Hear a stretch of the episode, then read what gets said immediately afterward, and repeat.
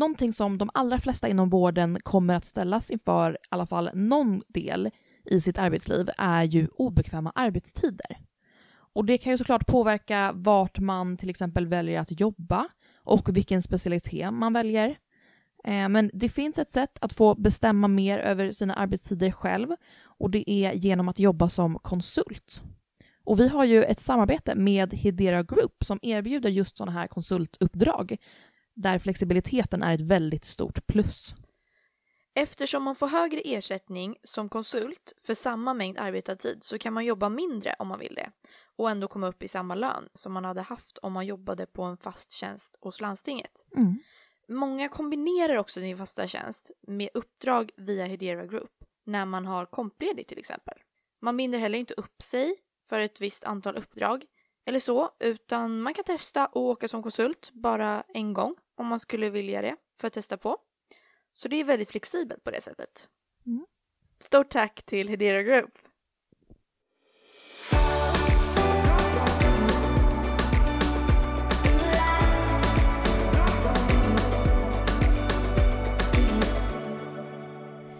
Hej och välkomna till ett nytt avsnitt av Läkarstudenternas dagbok. Det var inte igår. Nej, jag kände när jag höll på att säga välkomna nu att jag nästan hade glömt bort vad den här podden hette. Ja men lite så faktiskt. Det var så länge sedan vi spelade in och vi ber verkligen om ursäkt för det. Ja, Det känns också som att vi börjar nästan varje podd. Så. det har blivit så på sistone. Vad har vi haft för oss sen sist? Vi har ju varit i Skellefteå. Det har vi. Vi Tre haft- hela veckor. Ja, praktik på deras eh, kirurgi. Sektion.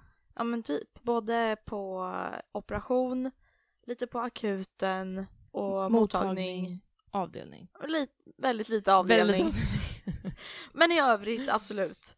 Mm. Jag tror ändå vi är ganska glada över inte så mycket avdelning. Verkligen. Ja. Jag känner att jag måste dopamin-detoxa efter två väldigt roliga dagar på akuten respektive ambulansen. Mm. Och nu när man är tillbaka på avdelning, I'm sorry, det är inte i samma rolighetsklass. Nej, verkligen inte. Och att eh, eftersom att jag har sluppit undan kan man säga typ avdelningsarbete så har jag glömt hur man gör. Och idag så satt jag och försökte diktera en epikris och bara ja, vet inte hur man gör längre. Nej.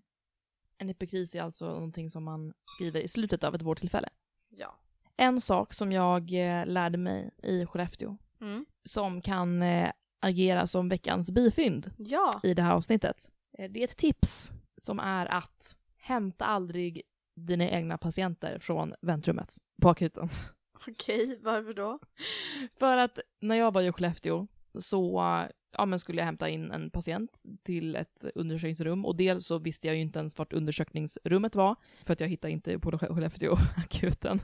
Och sen visste jag inte heller vart eh, väntrummet var. Två och, saker som man behöver veta om man ska ja. hämta en patient. Ja. Vart ska du hämta den och Vart ska du ta den? den? Ja.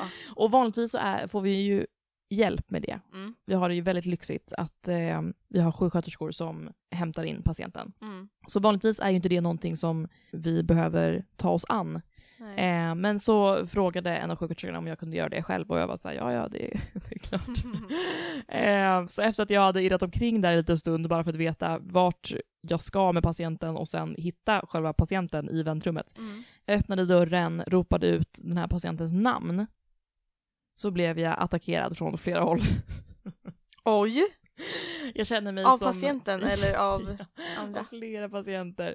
Jag känner mig som en rå köttbit i liksom en inhägnad av hungriga vargar typ. Åh nej. Ja men då var det en, och liksom tänk nu att så här, jag har aldrig tidigare varit på den här akutmottagningen. Det är i en stad jag aldrig varit i tidigare. Jag vet inget, jag känner ingen, jag jobbar Nej. inte där. Nej. Men det kan ju inte de veta såklart. Verkligen inte. Så det börjar med att det kommer en, fram en person väldigt nära mig, som jag aldrig sett förut, som säger den här remissen som skickades, vad har hänt med den?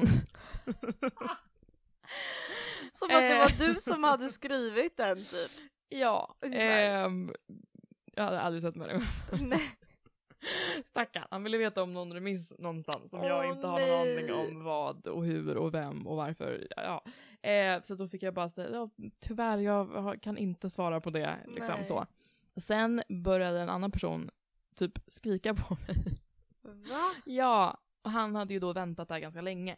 Ja. Ehm, och jag fattar verkligen att när man sitter i ett väntrum på akuten så känns det som att alla har glömt bort den. Ja. Alltså när man själv har suttit på akuten med typ en bruten fot, jag har inte, alltså när det har varit någon sån grej liksom, där det Mm. inte har behövt gå så snabbt. Och man kanske väntar i flera timmar liksom i väntrummet Det känns bara. ju verkligen som att ingen vet att man ens är där. Ja, ja, ja. Och då fattar jag, då vill man ju gå fram och bara “Hallå, jag finns, har ni glömt mig?” liksom Ja. så. Men det har man ju förstått nu när man har varit på akuten att det finns ju en lista som alla läkare och alla som jag, sjuksköterskor har tillgång till Mm. som man har uppe hela tiden Mm. eh, där man arbetar, där man ser vilka som sitter i väntrummet, vad de söker för eh, och vilken prioritering de har. Alltså Mm. är de gröna, gula, orangea, röda. Mm. Och har du till exempel en liksom, stukad fot eller någonting, då är du grön. Mm. Då kommer röda patienter som är liksom, allvarligt sjuka prioriteras före dig. Mm. Men det betyder inte att man är bortglömd, även om det absolut verkar så när man sitter Ja. där i flera timmar utan att någon ropar upp ens namn. Verkligen. Men i alla fall, då började han ropa och, och ifrågasatte om vi ens jobbade där inne och vad det är som händer och det står ju helt still här ute och jag har väntat här. Oj, går det bra? Nej. Satte lite i halsen. Ja. Och han hade minsann väntat där i så många timmar och det var inte okej och han ville prata med någon och så här, ja. Då känner jag mig också ganska otillräcklig när jag inte ropade upp hans namn utan någon annans namn. Ehm, Ja. Men ehm, ja, och sen så var det en till person som var eh, märkbart påverkad och ganska agiterad på situationen. Så det var inte en trevlig stämning i Nej. väntrummet på akuten. Nej. Och jag har sån jävla respekt för där i Skellefteå, de sjuksköterskorna som, undersköterskorna kanske, som går och hämtar patienterna. För att alltså de måste stå ut med så mycket. Mm. Det är ingen som är nöjd. Nej. Inte de Tackar. som sitter där. Förhoppningsvis kanske de som går därifrån. Ja, Men alla som sitter och väntar är ju inte... precis. Sen är det inte säkert att alla som går därifrån är nöjda heller, men Nej. Man hoppas ju det. Det är ju verkligen förhoppningen. Nej men ja, det är eh, en lärdom jag tar med mig. Mm. Kommer du våga hämta patient själv igen? Det är högst tveksamt. Ja. På en akutmottagning, jag vet inte. Nej. Nej, vi kan inte göra någonting åt det. Man får nog bara vara väldigt snabb, tänker jag. Mm. Öppna dörren snabbt, ropa ut ett efternamn och typ stäng sig. dörren igen. ja. Typ så! Ja. Nej men alltså annars, de tar sig in. Ja. Alltså den här mannen som frågade efter sin remiss. Han var liksom typ två decimeter ifrån mig. Åh Han nej! var så, han skulle ha svar på sin fråga. Ja, Ja, jag hade ju noll koll. det är klart. Vi vet ingenting om någons remisser. Alltså, Nej, inte... det kan, alltså frågan, v- vem vet det? En, i- knappt ens om jag har skrivit en Nej, remiss vet exakt. jag någonting om den remissen. Nej, nej, nej. Åh. Man vet ju inte om den har, kom, om den har lästs av någon. Nej. Här, häromdagen så... Nej, det var ju den här... Nej, vad fan var det? Vadå? Nej, när jag hade haft min sit-in så skickade jag... Så visste jag inte, alltså jag visste inte om det skulle skickas en kopia till patientens hälsocentral men jag fick feeling. Ja. Så det skickades en kopia. Jag hoppas att det skickades för jag ville det. Ja. Så jag sa eh, skicka kopia till patientens hälsocentral. För kännedom. Ja, Ja. inte för att de skulle göra något, bara för att de skulle veta Men- att vi hade gjort något. Ändå rimligt. Ja, om de har remitterat till oss, då känner jag att de har rätt att veta vad vi har gjort. Absolut. Idag var jag nära på, fast det skulle aldrig hända, men jag var nära på att inte boka någon uppföljning till en patient. För att jag bara satt och dikterade och så sa jag, så fortsatte jag liksom bara... Slut på eh, diktat! Ja, uppföljning, åtgärd, eh, ingen uppföljning via kirurgen. Sen så insåg att det vet ju faktiskt inte jag. Jag kanske borde gå och kolla kanske det. blir någon Kanske uppföljning. blir, och det var en uppföljning, så det var ju jävligt tur att jag kollade upp det. Men det känns som att man ibland får feeling Mm. numera och bara så här äsch. Dra till med något. I början så var man så rädd Ja, för att göra man. fel. Ja, Så att man kunde sitta hur länge som helst med de här, äh, alltså alla diktat som man gjorde. Åh, herregud. Och så känner man bara det får inte bli någonting fel. Och nu är det Nej. som att man har släppt och bara, Ja. vet du vad, det kommer bättre att bli de, fel. Ja. Ja, bättre att de får en kopia för kännedom än Ja. att de inte får det. en Ja. extra kopia. Hit eller dit. Ingen fara. Ja. Ja. Jag råkade skicka två remisser från akuten igår, Ja, bland annat. får hoppas att de inte blir arga. de som får dem. Ja, men bättre två än en. Ja, Lite så. faktiskt. Mm. Eller en ingen. Eller bet- jag menar, det kanske inte är bättre två än en, men bättre två än noll. Ja, Ja. verkligen.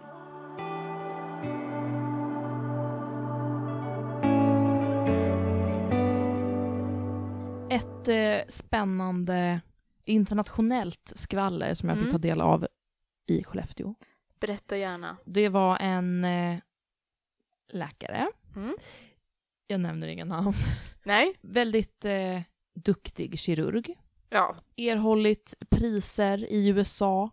Varit med på galor Oj! med kändisar. Ja! Jag blev också... Har du stakat för att få reda på det här? Nej, han har berättat det här. Okej. Alltså inte att han skröt, utan de, vi kom in på det på något sätt när vi pratade om någon kändis och han var så här, ja, så här, hon var med på den här galan, bla bla bla. Oj. Ja, men han har rest till en massa ställen i USA och fått både priser och eh, liksom undervisning av dem, alltså Mm, utbyta erfarenhet, mm. han är liksom framstående så. Wow. Eh, ja, alltså alla som, alla som har någon koll på Skellefteå sjukhus och framstående kirurger vet ju exakt vem det är nu. Ja. Men skitsamma. Det är ju faktiskt ingenting dåligt. Nej, nej, nej. Det är inte han som är skvallret, utan det är han som har skvallrat Ja. om det här. Eh, han har ju då alltså varit i eh, USA massa gånger och träffat andra kirurger, plastikkirurger i Hollywood och ehm, träffat eh, massa, massa och massa, men träffat kändisar där i Mm. alla fall. Mm. Han reagerade en gång när han träffade en känd skådespelerska som jag inte vågar nämna i namn. Ja. Det känns inte bra. Nej, vi Ehm, behöver inte göra det.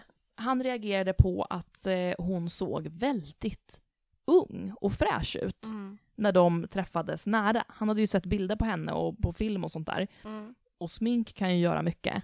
Men han Absolut. sa liksom att även händerna och resten av huden på armarna och även i ansiktet, det var liksom någonting som inte bara liksom hudkrämer eller smink Mm. kan göra. Mm.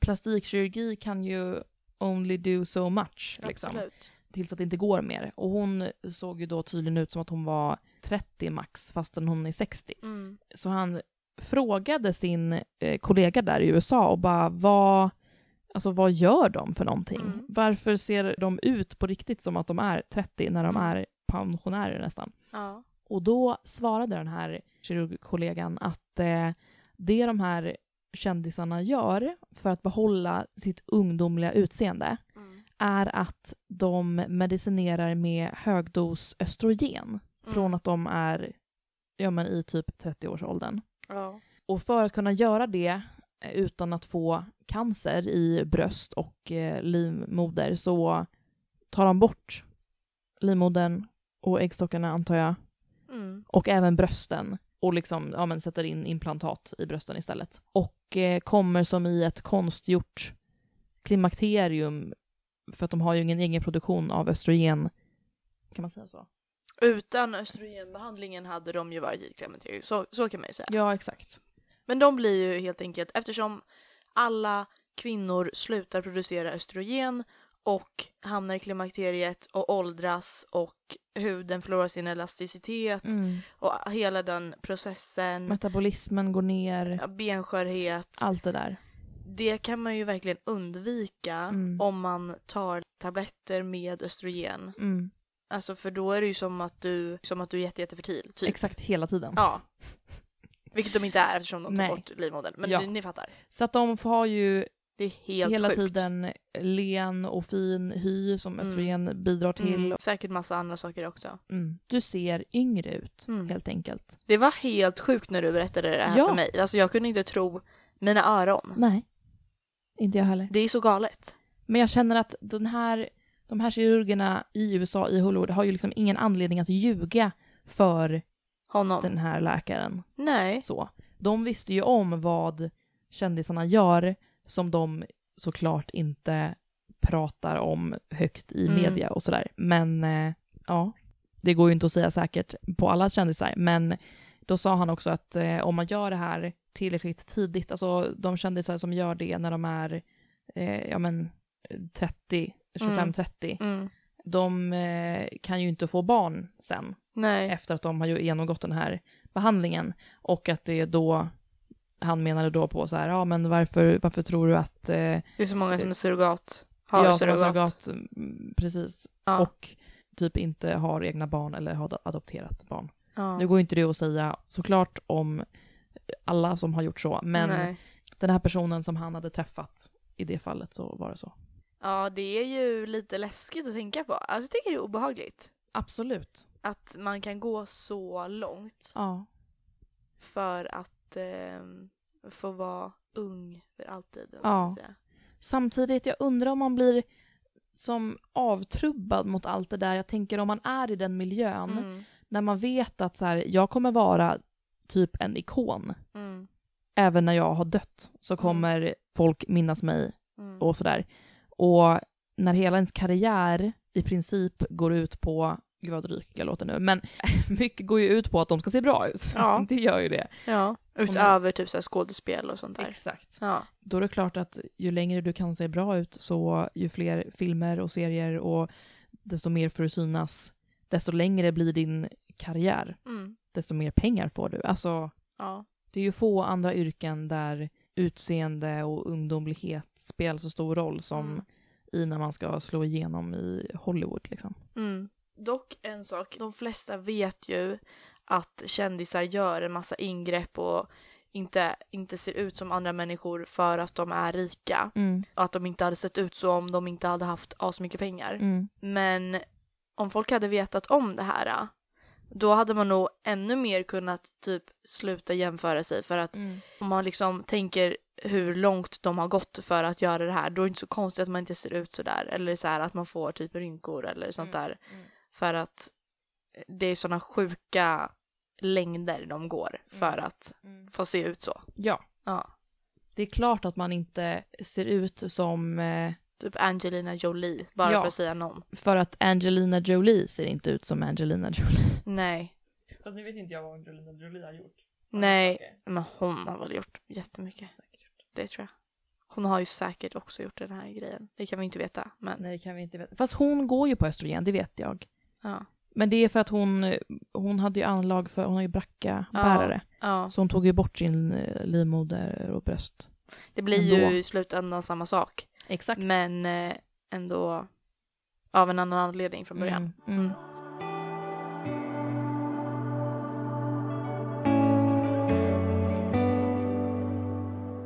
En annan sak som också handlar om hormoner. Mm. Jag kollade på ett avsnitt av eh, Kalla fakta, Mm. kan det ha varit, Mm. som hette Transbarnen. Mhm. Och det tyckte jag lät väldigt spännande. Så då tittade jag på det. Mm. Och det handlade om den eh, vården som vi har i Sverige för barn som eh, vill vara av det andra könet. Mm. Alltså transbarn, Mm. om man säger så. Som är födda i... I fel En kropp, kropp eller man ska av säga. det andra som, de, könet. som de inte känner sig bekväma med. Mm. Liksom. Och eh, tidigare så har det varit så att det har inte funnits så jättemycket eh, regler om hur man ska göra med behandling till de här barnen och så. Men eh, det som har varit liksom det vanliga, det som har varit ändå vedertaget, Mm. har varit att man ger det som man oftast kallar för stopphormoner. Mm. Och det är egentligen GnRH-analoger. Och GnRH frisätts ju från hypotalamus. Ja, precis. som sen stimulerar hypofysen att... Eh, Göra FSH och LH. Precis. Och de åker ner till antingen äggstockar eller testiklar Mm. och gör så att vi producerar könshormoner. Mm. Så att eh, då kan man på så sätt stoppa det här Mm. genom negativ feedback. Mm. Och det är det som man brukar göra för att stoppa puberteten om man Mm. startar de här eh, innan puberteten liksom. Mm. Det som hände och ett fall som blev väldigt uppmärksammat var att ett barn som hade behandlats med den här medicinen fick eh, benskörhet, Mhm. eh, osteoporos Mm. och eh, kotkompressioner i ryggen Mm. som gjorde att eh, hen slutade växa och fick liksom en skada, en permanent skada i ryggen på grund av det här. Mm. Och då började man verkligen fundera på om man verkligen kunde ge det här till Mm. barn, om det verkligen var säkert Mm. på grund av de här biverkningarna. Var det här en pojke född i en biologisk flickas kropp, eller var Ja. det tvärtom? Ja. Ja, precis. Mm. Och tydligen så var det inte meningen att man skulle behandla så länge med de här medicinerna utan rekommendationerna var max två år. Mhm. Sen så på något sätt så hade man glömt bort eller fortsatt Åh, behandla i fyra år Mhm. och eh, det här barnet hade börjat klaga på liksom ont i ryggen och eh, föräldrarna visste väl inte riktigt vad det var tills de till slut sökte vård och så gjorde man en röntgen och såg att eh, det såg inte så bra ut. Mm. Det var liksom kotkompressioner, alltså kotorna hade liksom fallit samman och Åh, gått herregud. sönder i ryggen. Så vad hände hormonellt Mm. med den här killen? Rent eh, liksom fysiologiskt så handlar det om att alltså gener och analoger är ju det som man kallar för även för kastrationsbehandling Mm. som man använder vid till exempel prostatacancer. Mm.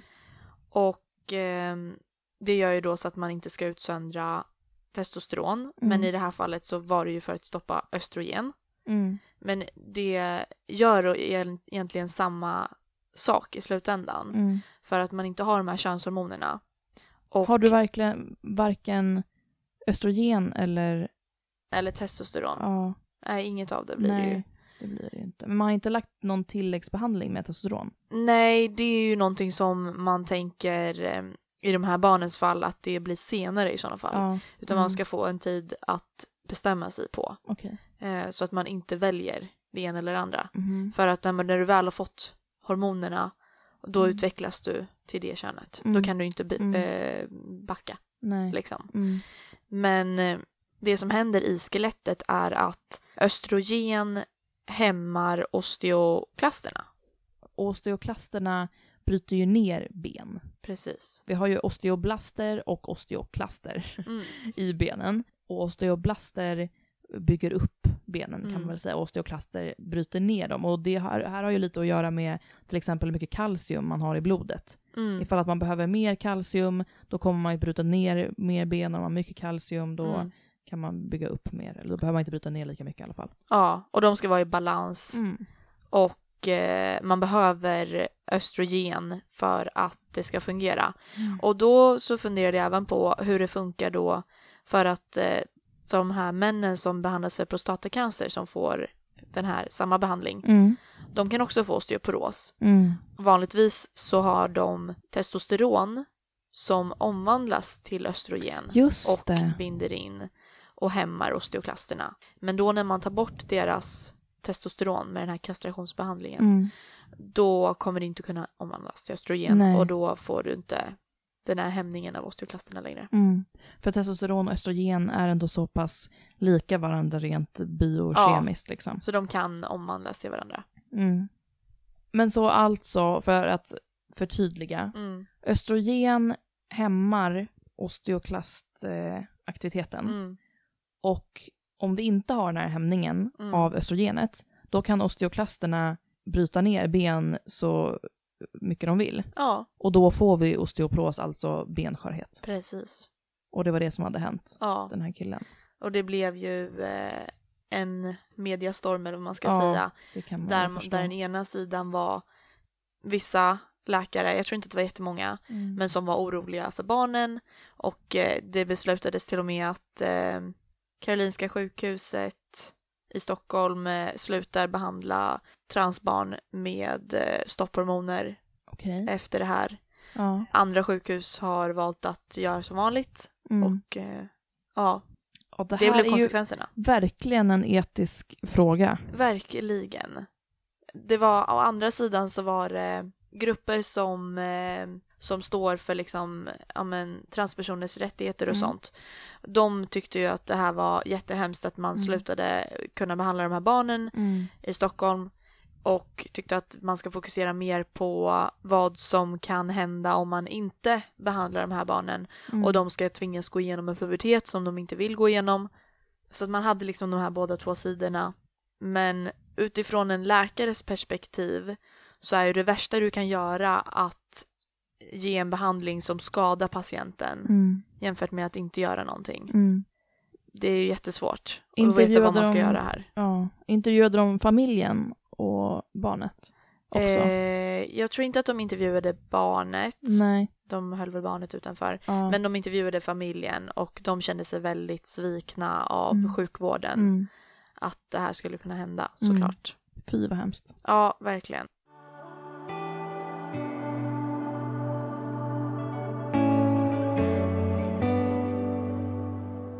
Om vi ska fortsätta på det här endokrina spåret. Ja. Vi kom ju in lite på kastrationsbehandling. Ja. Och då kom jag att tänka på när jag gick i grundskolan Ja. så fick vi lära oss av våran musiklärare, vi fick även lyssna på en sång Mm. av en kastratsångare. Ja, just det. Det skulle man ju lära sig när man gick i skolan. Ja, att kommer du vad, också vad det var. Ja, och man tyckte att det var jättekonstigt. Jättehemskt. Jag kommer ihåg att jag var Mådde väldigt dåligt. illa upprörd. Ja. Det finns några sådana saker från ens skoltid som fortfarande kan göra mig rädd. Mm. Orimligt rädd. Typ, För människor. ja jag tänker, nej jag tänker... När man brände kvinnor Ja. på bål. Ja nej men gud. Nej men jag tänker bara på random saker också som typ kvicksand. Jag var så orimligt rädd för kvicksand när jag fick höra vad det var. Ja. Har man någonsin stött på kvicksand i Aldrig. sitt liv? Samma med Bermudatriangeln. Var du också livrädd för Oj. Bermudatriangeln? Jag var jätterädd för arsenik. Ja, För att... då är det någon som har tutat i dig någonting. Men det är ju jättefarligt. Jag vet, men och det det, finns i typ ris och sånt. uppstoppade djur. jag är rädd Okej. för, jag rör inte uppstoppade djur. Alltså Nej. det är arsenik i dem. Ja. Ja. Jag vågar knappt gå i sand. Ja. Vi är skrämda för livet. Men kastratsångare var en sån. Ja, och det var ju att man kastrerade helt enkelt pojkar Mm. när de var små innan de hade gått in i puberteten. Mm. Jag vet inte hur de gjorde det. Gjorde de det mekaniskt då kanske? Tog bort testiklarna? Jag antar det. Det känns ju lättast med den eh, Jag tror inte de hade tidserans eh, tabletter för det kunskap. sånt då. Nej. Och det gjorde ju att de här pojkarna inte kom in i puberteten. De behöll sin väldigt ljusa röst. Mm. Och på den tiden, för länge sedan, så fick ju inte kvinnor sjunga i kyrkan. Så kastratsångare tog över eh, rollen som sopraner och eh, altar och sådär. Ja. Deras stämmor.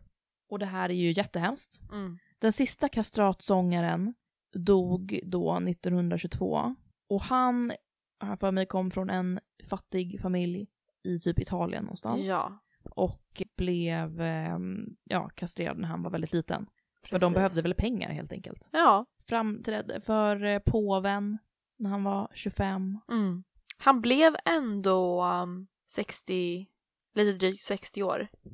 64. Mm. Och jag tänkte att han kanske skulle inte bli så gammal typ för att det var jag fick för mig att man måste bli ganska sjuk av att bli kastrerad men det kanske man inte blir. Nej, han levde ganska länge. Mm. Vad drabbades de här kastratsångarna av då? Det som hände var att när de inte fick något testosteron så var det så att epifyserna som är den delen av benen som ska liksom det är väl tillväxtzonen i Ja. benen som kallas för epifyserna. Som ska sluta växa. Ja, de gjorde i alla fall inte det när man inte har testosteron. Mm. Vilket gjorde att de fick väldigt långa ben. Alltså de blev långa. Mm. Deras revben blev längre än andras. Oj. Och, Just för eh, epifysplattorna. Precis, för att också. de inte mognade liksom. Ja. Så det gjorde att de fick väldigt stor lungkapacitet. Och sen Ah. att deras, och sen det här med stämbanden som inte blir så långa som de ska bli. De ska liksom växa så att, Ja, hos männen. så att det, rösten blir mörkare. Och Precis. Sådär. Mm. Mm. Så de får lungkapaciteten som en man, eller liksom de får Mm. stor lungkapacitet. Mm. Eller kanske till och större än de Ja. flestas. Men eh, behåller ett barns eh, stämband. Ja. Ja, det är lite obehagligt Extremt att obehagligt. tänka på. Det här blev ju som tur var förbjudet eh, att eh, kastrera När? 1870. Alldeles för sent alltså. Ja. Som eh, mycket, mycket annat. Mm. Och med den eh, deppiga historielektionen så sätter vi punkt för det här avsnittet. Ja. Tusen tack för att ni har lyssnat. Ja. På återseende. På återseende. Hej då! Hej då!